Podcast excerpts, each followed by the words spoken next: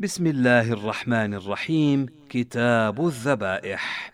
باب ما جاء في التسمية على الذبيحة.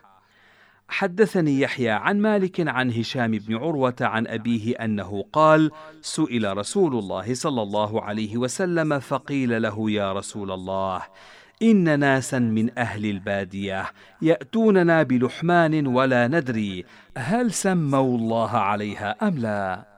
فقال رسول الله صلى الله عليه وسلم سموا الله عليها ثم كلوها. قال مالك وذلك في أول الإسلام. وحدثني عن مالك عن يحيى بن سعيد أن عبد الله بن عياش بن أبي ربيعة المخزومي أمر غلاما له أن يذبح ذبيحة. فلما أراد أن يذبحها قال له سم الله. فقال له الغلام قد سميت. فقال له سم الله ويحك. قال له قد سميت الله. فقال له عبد الله بن عياش والله لا أطعمها أبدا. باب ما يجوز من الزكاة في حال الضرورة.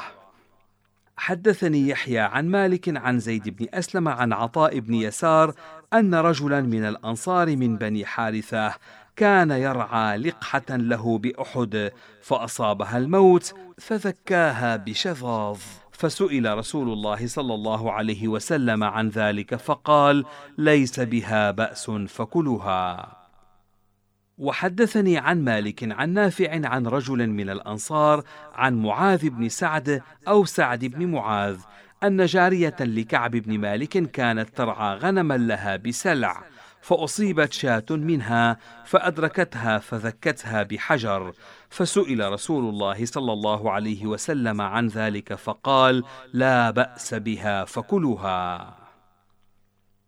وحدثني عن مالك عن ثور بن زيد الديلي عن عبد الله بن عباس أنه سئل عن ذبائح نصارى العرب فقال لا بأس بها وتلا هذه الآية ومن يتولهم منكم فإنه منهم.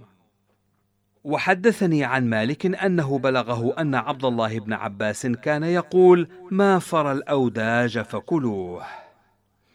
وحدثني عن مالك عن يحيى بن سعيد عن سعيد بن المسيب أنه كان يقول ما ذبح به إذا بضع فلا بأس به إذا اضطررت إليه. باب ما يكره من الذبيحة في الزكاة. حدثني يحيى عن مالك عن يحيى بن سعيد عن أبي مرة مولى عقيل بن أبي طالب أنه سأل أبا هريرة عن شاة ذبحت فتحرك بعضها فأمره أن يأكلها ثم سأل عن ذلك زيد بن ثابت فقال إن الميتة لتتحرك ونهاه عن ذلك. وسئل مالك عن شاة تردت فتكسرت فأدركها صاحبها فذبحها فسال الدم منها ولم تتحرك. فقال مالك إن كان ذبحها ونفسها يجري وهي تطرف فليأكلها. باب زكاة ما في بطن الذبيحة. حدثني يحيى عن مالك عن نافع عن عبد الله بن عمر أنه كان يقول إذا نحرت الناقة فزكاة ما في بطنها في زكاتها. إذا كان قد تم خلقه ونبت شعره فإذا خرج من بطن أمه ذبح حتى يخرج الدم من جوفه.